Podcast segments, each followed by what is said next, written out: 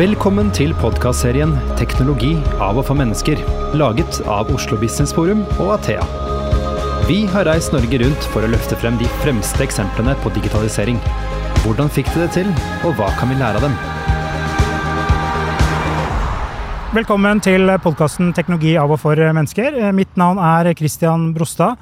Også denne gangen har vi flyttet oss ut av podkaststudio og befinner oss faktisk utenfor Oslo Børs, i solen. Eh, Og vi har med oss eh, jeg vet ikke om det er lov å si det, men eh, finansbransjens Wonder Wonderboys. Eh, Det er Kristoffer Hernes, som er leder for innovasjon og utvikling i S-banken.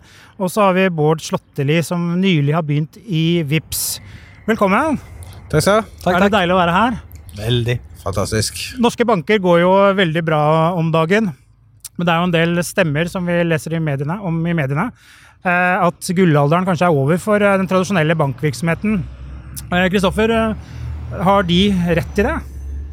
Altså, juryen er fortsatt ute på hvem som kommer seirende ut av de endringene bransjen står foran. Eh, hvis du ser på investeringene i såkalt fintech, dvs. Si selskaper som er ute etter å gjøre banktjenester på en litt annen måte, men som ikke er banker, så nådde jo det en nytt rekordnivå i fjor, ifølge KPNG sin årlige tracking.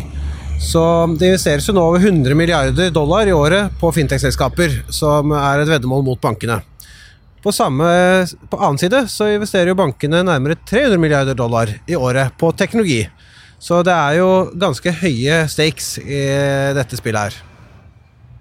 Eh, Det kom en rapport eh, tidligere denne uken eh, som, eh, eh, hvor man har intervjuet 300 europeiske toppledere. Eh, Og et par interessante funn der er jo bl.a. at eh, eh, bankene selv, altså banksjefene, mener jo at eh, jo, vi har så innmari mye tilgang på data. Eh, Så man er ikke særlig redd for eh, de nye eh, selskapene som du snakker om, da, Kristoffer. Eh, Er det noen grunn til å være urolig hvis man i dag jobber i bank? Ja, det tror jeg man skal være. Man skal være urolig. Men, eh, men, men samtidig er jo ikke det noe nytt. Det har vært bankkriser før. Eh, nå er det på sett og vis en ny utfordring som, som kommer gjennom med ny teknologi og ny tilgang på data. Men å gjemme seg bak at man har så mye data om kundene sine, det tror jeg, det tror jeg er litt dumt gjort. da. Eh, eh, den dataen vil være tilgjengelig for, for andre aktører òg, som kan utfordre bankene. Men, men jeg tror ikke det er det som eh, altså Den undersøkelsen er vel en, sånn, en, en tredjedel i hver ende og så en stor eh, bolk på midten. Eh, jeg tror jo at man må, man må se på både trussel og muligheter i det, i det som skjer. Og som Kristoffer er inne på, Fintech investerer, tjener ikke nødvendigvis så mye penger.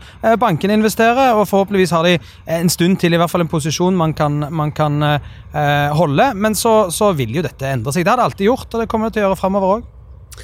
Så tror jeg man skal ta med klype salt verdien av den store haugen med data som bankene sitter på. Data er ferskvare, og det er ikke nødvendigvis så relevant alle de dataene man har 10-20 år tilbake i tid. Jeg tror heller merkevare og tillit er ting som bankene har i dag, spesielt i det norske markedet, som er vanskelig å konkurrere med som et ukjent teknologiselskap som kommer inn på banen. Det er tross alt det vi lever av. Mm. Du har jo skrevet om i bloggen din eh, Kristoffer, at liksom, Vips kommer jo våren eh, 2015. Det føles veldig lenge siden. Det høres sånn føles at det var i går Vips kom, men det er jo ikke sånn. Eh, Og du skriver at dette kanskje ble en sånn wake-up call for bransjen. At da, da var det liksom bevegelser. At eh, herregud, det skjer et eller annet. Nå må vi gjøre noe. Hva tenker du om det? Ja, nei, jeg står ved det utsagnet. Eh, Det var den eh, ene eventen som gjorde at kritisk masse av banksjefer i landet så at her var det mulig å gjøre ting litt annerledes enn vi hadde gjort tidligere. Eh, Det tok jo litt tid før erkjennelsen gikk inn eh, på at dette her var noe annet. Eh, Man løste et kjent, men ikke uttalt problem for forbrukerne på en ny og mye enklere måte. Og det er litt det det handler om. Det handler egentlig om å bare gjøre hverdagen litt enklere for forbrukerne. Det er jo ingen som har lyst på noen av de produktene vi tilbyr. Du har ikke lyst på et lån, men det er greit å ha et sted å bo, og de fleste av oss må ta et lån for å få det til. Og da handler det om å bare reduse- redusere friksjonen så mye som mulig. Eh, Det er jo også sånn at eh, de store tech-gigantenes inntog, eh, Facebook, Google, de er jo sykt flinke til å skape gode brukeropplevelser. eh, Selv om det blir litt friksjon kanskje når Facebook kommer med nye funksjoner. Men det liksom faller litt på plass, og folk er veldig fornøyd. Da. Eh, Så de har kanskje vært med på å endre kundeatferden. Hvordan preger det liksom Bank-Norge? For det er jo ikke bankene som setter eh, standarden for hvordan ting skal lages, er det det? Nei, det er vel lenge siden eh, etablerte organisasjoner med lang historikk har, eh, har, har skapt framtiden alene. Kundeatferden er jo et resultat av, av, av, hvordan samfunnet endrer seg til enhver tid. og, og, og teknologibenyttelsen i, i, i, vårt land er, er man langt framme på. Eh, disse gigantene som, eh, som kommer ikke, man, man, man, er med på å sette en agenda, men norske banker har jo vist seg motstandsdyktige, om du vil, eller tilpasningsdyktige eh, i, i, forhold til det som, som har kommet utenfra. Man var tidlig ute med eh, ta i bruk, nett i, eh, som, som, verktøy i bank, tidlig ute i mobil og tidlig ute på egentlig alt som kommer. Så, så bankene i Norge i hvert fall står jo ikke eh, tilbake for eh, å utnytte den teknologien og de kundeatferden som endrer seg, på en, på en, på en god måte måte. da. Det det er litt annerledes, opplever jeg, da, i, i, i andre land. Eh, og gjerne med banker som er mye mye større enn det man finner i, i Norge. Eh, der, man, eh, der, man, har eh, altså, litt vanskelig, mye, mye, vanskeligere for å endre på, på måten man gjør ting på. da. Så, så, jeg tenker at dette er jo et samspill mellom giganter og små, og små og giganter, som, skal, som er med på å forme kundeatferd og endring i kundeatferd. Og så handler det om hvor flinke man er til å se trendene og, og bevege seg i, i, i tråd med det man ser. da. Men vi har fortsatt et godt stykke å gå. Vi har kommet dit ved USA Strøm på kontoskriften og slengt på en betalingsblankett. Så det er jo mye som kan gjøres for å gi en mer relevant brukeropplevelse, spesielt nå som betalinger blir fragmentert, blir, blir mer usynlig, og det er vanskeligere å ha styr på egen økonomi. Så mulighetsrommet er stort, men alle bankene jeg kjenner til, eh, vet jeg at jobber med saken. Ja, fordi De tradisjonelle bankene har liksom arven med gamle datasystemer osv., mens de nye aktørene er mer lettbeinte. da. De kan lage uh, Apple Card. Uh, dere så sikkert uh, når de dro sitt PR-maskineri i gang, så ser det jo jævlig deilig ut. Det ser kjempebra ut, men ja. må jo vite hva det er. da. Det er jo et kredittkort. ja, ja. Men jeg tenker eh, privatøkonomidelen eh, i ja, det, som er knytta til kortet. da. Spennende det egentlig, for både, både S-banken og Sparebank1 og norske banker lanserte jo eh, tidlig, eh, altså 2011 2012 så lanserte man, og før det òg, tror jeg kanskje noen gjorde, lanserte man jo det, det man kalte for P5-løsninger, som handla om å se på transaksjoner og kategorisere og, og, gi, og gi, råd, altså eh, digitale råd basert på, på forbruksmønster. Men tror vel faktisk de fleste har lagt det ned. Eh, og så kan det godt være at man var for tidlig ute, eh, og at man eh, ikke hadde eh, god nok datastruktur, og at man i dag har bedre muligheter til å, til å gjøre enda bedre råd. Så skal, men så tenker jeg at man skal være litt sånn obs på de løsningene som finnes, da, som man har målt dette på. Både Moven i, i USA, du har Tink og du har Spir. Det det er relevante løsninger, men det er jo ingen det er ikke noe folkekrav at disse løsningene skal, skal eksistere i den form. Så tror jeg at det, man gjør kjempelurt i å, å tilby kundene bedre, in, altså bedre, innsikt i den dataen man selv produserer. Eh, men, men, hvordan det skal gjøres, det tror jeg òg juryen er litt ute på ennå. Eh, jeg, tror ikke jeg tror ikke du finner det i en app i framtiden. Jeg tror du finner det i, i god data som kan av flere aktører settes opp på en sånn måte som gir verdi for, for individene. da. Eh, du nevnte jo litt sånn, Kristoffer, at eh, du, betaling er jo et område vi alle har et forhold til.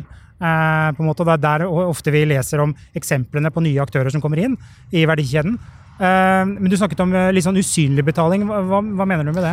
Ja, Man ser jo det flere flere steder. Du legger inn enten det er kortet du legger inn, eller du kobler en tjeneste opp med PayPal, slik at betalingen egentlig bare skjer i bakgrunnen. Det er kanskje det beste med å ta Uber da det en gang var lov i Norge, og det man kan ha glede av når man er i utlandet, at du slipper jo den der litt sånn awkward situasjonen å finne fram kortet på slutten av turen. Du går bare ut av bilen, og så skjer betalingen i bakgrunnen. Netthandel har jo slitt med det i lang, lang tid. At betaling har vært en friksjonsfullt eh, steg på slutten av eh, prosessen, som gjør at man har mistet mye inntekter. Så det å gjøre betaling så enkelt som mulig er jo i stor interesse hos de som også ikke er banker de som selger varer og tjenester. Og når betaling blir usynlig, så blir det vanskeligere egentlig å ha en oversikt over hva du betaler for. Jeg vet ikke hvor mange sånn strømabonnementer du har oversikt at du har gående til enhver tid, Kristian? Eh, Strømmetjenester? Ja. Har ikke peiling. Ikke jeg heller. Så vi lanserte jo en abonnementsoversikt eh, vi baserte på maskinlæring. Eh, hvor vi da tilbød dette til et utvalg kunder for å teste ut om kundene faktisk benyttet det. Da vi så at en eh, signifikant andel av de som fikk presentert da samlet 'dette er det du har av streamingtjenester', tok handling og sa opp da nok streamingtjenester til at vi kunne si at det hadde en statistisk eh, relevans mot kontrollgruppen som ikke fikk presentert det, annet enn bare listen over transaksjoner de siste 30 dager.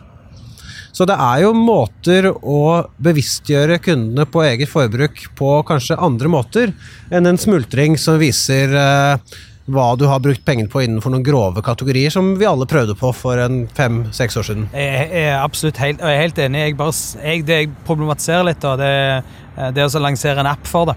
Eh, jeg, tror ikke Tink eller Spir i Danmark eh, vil lykkes over tid da, med å ha en sånn, en sånn, posisjon som baserer seg bare på det. Men eh, som Kristoffer beskriver, i, en, i et større bilde med bedre data på transaksjonene, som gjør mulig for å, å, identifisere recurring payments, eller gjentagende betalinger. Eh, for så å identifisere de som abonnement, som du kan betjene en, fra en bankflate. Fantastisk. Men det er en, det er en, det er feature, ikke en, en, egen greie. Og det er noe av det som er eh, eh, Som jeg tenker man skal mm, altså når man, når man ser på hvordan man skal utnytte dette eh, datasettet til, og, og, og vel av informasjon, så, så, er det måten å gjøre det på. Jeg synes Det er en, både en god idé og helt sikkert et kjempegodt resultat, og gode, fornøyde kunder på andre siden. Bare for å avslutte den strømmetjenesteoversikten, kommer det i markedet? Vi håper å lansere det på nytt til alle kunder. Vi har gjort en test til utvalgkunder kunder. Tatt den tilbake på tegnebrettet uh, og ser nå hvordan vi kan skalere den til mange. Interessant. Uh, en, en, ting som jeg har lurt på, og jeg tror det er flere med meg, da, eh, det er eh, Apple Pay. Eh, som Noen banker har det ikke, eller de fleste bankene har det ikke i markedet, som jeg har skjønt. Mens S-banken har valgt å tilby det. Stemmer. Hvorfor? Vi har ganske mange kunder som har Apple. Vi har etterspørsel etter det fra kundene siden lenge før det var i det hele tatt snakk om at dette skulle komme til Norge. Eh, og har en uttalt policy at vi skal tilby valgfrihet til kundene våre. Eh, så det er jo enkelt og greit. Det er kunden som velger, og da ønsker vi å, så langt det lar seg gjøre, tilby de løsningene som treffer tilstrekkelig mange kunder. Men hva er årsaken da, Bård, til at enkelte andre banker, eh, eller flertallet av bankene, ikke velger å tilby det, hvis det er sånn at kundene vil ha det? da? Før jeg uttaler meg om det, så skal jeg i hvert fall presisere at jeg ikke har vært med å ta disse beslutningene, og kan sånn sett ikke svare for alt det rasjonale som ligger bak. Eh, bare sånn for å ikke eh, hevde at jeg har innsikt i noe jeg ikke har. Men eh, jeg kan svare likevel, da. Eh, eh, noe, noe, av det er kost. Altså, dette Bankene må betale for eh, tilgang til, til Altså for å være med på Apple Pay. I tillegg så er det at det flyr penger over Atlanteren, og, og det er et bærekraftsdimensjon, så kan du si at den er kanskje litt søkt. men men, men, men, eh, man skal vite det når man gjør en Apple Pay-transaksjon, at Apple tar en del av den uh, cutten som man ikke hadde trengt å ta om man hadde uh, kjørt en bankaksept-transaksjon, f.eks. Eh, og så er det jo den urettferdigheten som ligger i at eh, Apple får tilgang til våre kunder, men vi får ikke tilgang som banker får ikke tilgang til Apples teknologi. Vi får altså ikke lov til å ha konkurrerende produkter til Apple Pay. altså Vi får ikke lov til å lage VIPS for eksempel, som gjør bruk av NFC, som er eh, eh, teknologien som gjør det mulig å tappe. da. Eh, eh, vi får ikke tilgang til det som verken banker eller betalingsselskap. så Det betyr at Apple har en fordel. Så de skal ha uten å gi, og det, og det det ønsker ikke ja, Det er i hvert fall problematisk for bankene, da. Um, ja. Mm. Hvor stor andel av eh, kundene har bruker Apple Pay, vet du det? Apple er ganske strenge. Ja. Så, så kan, no information. Vi har, vi har, en god adopsjonsrate. Ja. Ifølge Apple så ligger vi i et sjikt som er eh, målbart med store banker, større enn de vi finner i Norge. Eh, men vi syns egentlig Apple som en mediumbank i utfordrerposisjon, så er Apple et fint verktøy å ta med seg. Det som vi liker veldig godt med Apple, er at må, at vi som bank må betale for å få lov til å bruke det, med penger. For da vet vi hva vi betaler. Det er mer problematisk med andre løsninger, hvor det er tilsynelatende gratis. Eh, hva er det man egentlig betaler med da? For det er jo ikke noe gratis lunsj der ute. Så vi kommer med Google Pay også, men vi har brukt litt tid på å gjennomgå det avtaleverket for å finne ut hva er det vi egentlig sier ja til her. For Apple Pay er på slutt av dagen så er det en veldig sikker løsning. Eh, brukerdataene de blir ikke sett av noen andre enn kundene selv. Eh, det vil ikke mellomlagres noe sted. Eh, og det var avgjørende for oss da vi gikk inn i det samarbeidet. Mm. Eh, litt tilbake til det vi snakket om i stad, med liksom nye aktører som kommer inn i markedet eh, i finans, da. Eh, så er det jo sånn et ord, eller hva skal jeg kalle det, som dukker opp sånn gjentatte ganger hvis du googler det. Og det er PST2. Hva i alle dager er det? Nei, Det var jo det magiske tidspunktet hvor folk utenfor compliance-avdelingen ble interessert i bankreguleringer. Eh, Men dette skiller seg jo fra eh, tidligere tids regulatoriske krav ved at PST2 krever at bankene åpner opp infrastrukturen og lar tredjeparter utføre to ting. Eh, Det ene er å betale regning. Det andre er å sjekke saldo, for å si det veldig enkelt. Eh, og det er jo, Vi har jo sett på det før, Bård, da vi har kolleger. Eh, det er jo 95% av trafikken inn til nett- og mobilbanken er for å gjøre en av de to tingene. Og så tilfeldigvis kanskje man kjøper et fond eller noe annet når man først er der inne. Så inngangen til bankenes kjøpesentre er jo de to handlingene. Og dette her har jo EU sett på som en måte å åpne opp konkurransen og frata bankene monopolet på kundegrensesnittet. Så bankene må tilby dataene. Bankene må tilby um, API-er som gjør at tredjepart, altså en, en, et annet selskap om du vil eh, det Riktignok skal det selskapet ha konsesjon uh, i et europeisk land til å drive med enten betaling, e-penger eller det å være bank. da. Uh, den tredjeparten skal via disse API-ene kunne representere kunden på vei inn til sine bankdata hos den banken kunden har. Så enkelt sagt, kunden får lov til å velge en mellommann eh, til å, å, å, å være fronten, om du vil, eller kundegrensesnittet sitt, eh, for å gjøre sine tjenester. Og Der kommer jo appene som vi snakket om tidligere, med Tink og Spir, eh, vil jo være aktører som, eh, som kundene kan velge å bruke til å hente sine DNB, S-banken eller Sparebank1-konti og vise det fram i disse appene. Og man kan, bygge, man kan aggregere fra mange, mange banker om man så ønsker. da. Men det er ikke fritt fram. Man skal være godkjent og ha konsesjon i et europeisk land eh, for å få lov til å holde på med dette. Mange setter jo likhetstegn med tredjeparter med at det er noen eh, ukjente fintech-selskaper eller startup som vil ta tredjepartsrollene, men eh, det er nok i stor grad bankene selv som kommer til å ta disse tredjepartsrollene. Eh, de fleste bankene som har tenkt til å være med videre forbi direktivet, kommer til å ta en tredjepartsrolle, som flere er forberedt på.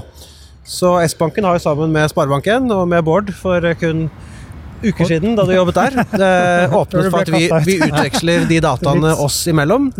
Og vi har også åpnet for at vi viser saldo i, i VIPS, både Sparebank1 og S-banken. Så dette her kommer jo enten vi vil eller ikke. Og tilbake til hva Bård sa tidligere, norske banker liker å være i forkant. Vi må ikke før 14.9, men vi har valgt å starte nå. Eh, har dere vært i Kina? Nei, eh, jeg har ikke det.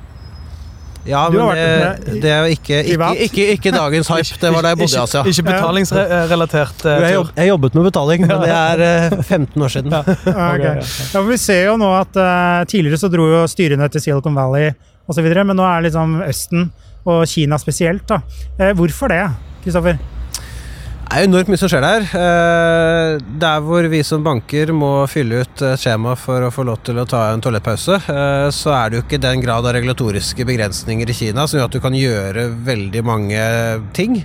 Eh, Så kan vi synes hva vi vil om det etiske ved måten man bruker data bl.a. i Kina på å ha social score osv., men det åpner for noen kall innovative finansielle tjenester. Pluss at det er jo mulig å tjene penger på betaling i Kina, siden det er jo så mange mennesker der. Så ting skjer jo i et forrykende tempo.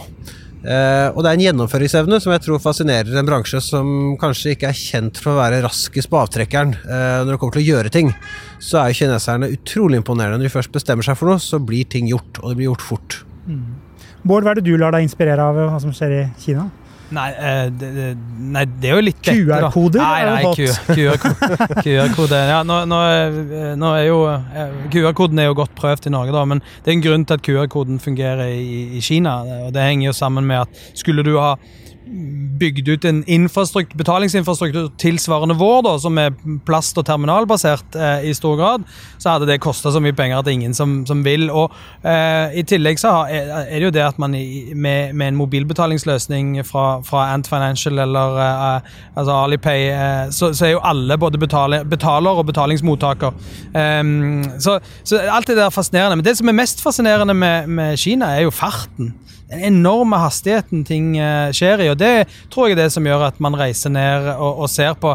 Det, det, regulatoriske er selvfølgelig uh, interessant sett fra et GDPR-ståsted, uh, men, men, farten i utvikling, farten i adopsjon, letthet, med lett, den lettheten ting innføres, er jo utrolig spennende å se på. da, men, men jeg, Ellers vil jeg ikke sammenligne så, så, mye. da. Det er store ulikheter som òg er grunnen til at dette, dette, tar så fort. da.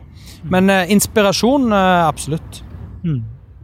Ja, for det er jo litt sånn deilig tanke kanskje for forbrukerne at alt er jo samlet omtrent i én app i Kina.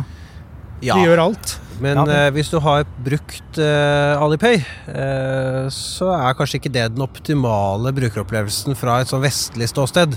Eh, jeg underviste i Sør-Korea for eh, et års tid siden, og da testet jeg ut Alipay. Og Personlig så syns jeg det var en grusom brukeropplevelse. Men det minnet litt om en digitalisert versjon av en sånn handlegate i Hongkong, hvor du har mye blinkende skilt og butikker i to, to plan. Ja, nå, nå, Der tar jo faktisk òg Alipay affære. da. Man er veldig klar over denne blinkende problemstillingen med, med, med og, og, faktisk lar uh, merchants uh, bygge bedre um, uh, reklamer i, som man bruker, basert på AI, som er bygd inn i, i løsningen for merchants. Fantastisk kult. Mm. Eh, hvis vi skal se litt inn i eh, fremtiden, eh, så sier jo bl.a. DNB de har identifisert eh, Amazon som kanskje den viktigste, største trusselen, konkurrenten, eh, fremover. Hva tenker dere om det? Ja, men Amazon eh, og altså alle, alle gigantene er jo trusler bare av ren markedskraft. Amazon jo, har jo bygd komboen av fysisk og, og digitalt økosystem eh, lenge. Altså, en, en, en bokforretning eh, som, som, utgangspunkt. Eh, de beveger seg inn i retail eh, og, og, og, oppkjøp av Whole Foods, blant annet. Eh, og så ser de på betalingsløsningene i disse opplevelsene, basert på den erfaringen man har fra, fra, fra, fra online netthandel. Så, så åpenbart at de er en trussel. Samtidig så, så er det jo sånn at uh, Amazon og disse gigantene er jo òg sin, sin, egen største uh, fare, da, i at de rett og slett blir for store, og at de blir, blir tvunget i, i, stykker. da. Uh, og så er det jo igjen altså, Amazon har, har, utfordringer med måte De er veldig populære, og alle elsker de, men samtidig, sett fra et, fra et, et arbeidstakerståsted, så er, det jo, så er det jo som Uber. altså De kjører nå rundt med varer, med, og mennesker har ingen kontrakter. de er tvunget til å sitte og tappe på en app for å få et oppdrag. Så det er mange ting som er galt med disse store selskapene, da, sett fra et norsk eh, både arbeidstakerståsted og, og ønske om hvordan vi vil ha vårt samfunn. Men at de er trusler Absolutt, men trusler er jo ikke noe nytt. Det handler jo om hvordan vi som en næring og individuelle banker og de selskapene vi representerer, ser på den trusselen. Og så må man jo like å tro at vi er en trussel i Norge mot Amazon, da. Eh, fordi vi gjør riktige, og, og andre fordi vi gjør riktige ting, da. Kristoffer, Amazon største trusselen for S-banken? Jeg, jeg er jo til, til, dels, til, dels, enig. Jeg lurer på om kanskje noen hadde lest bloggen min, for jeg har skrevet om akkurat dette tidligere. Uh, Amazon er interessant flere, fra flere perspektiver. Uh, for det første så er de et av de selskapene som har lykkes med å pivotere vekk fra sin eksisterende forretningsmodell og få flere bein å stå på. Google tjener penger på reklame. That's it.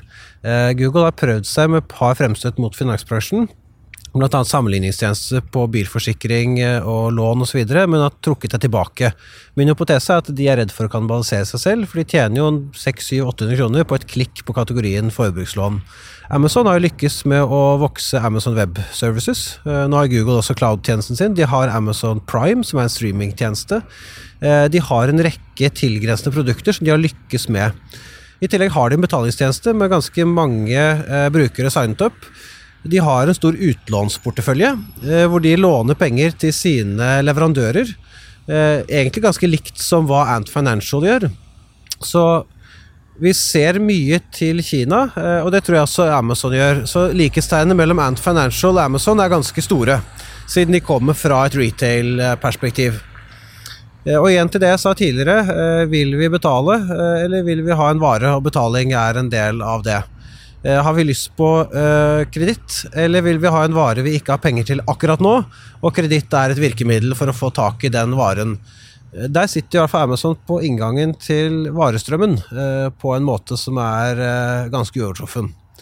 Hvorvidt det er like skummelt i Norge som i USA og andre land, det ønsker jeg vente og se. Da jeg uttalte meg om dette, så uttalte jeg meg på vegne av en mer global finansbransje.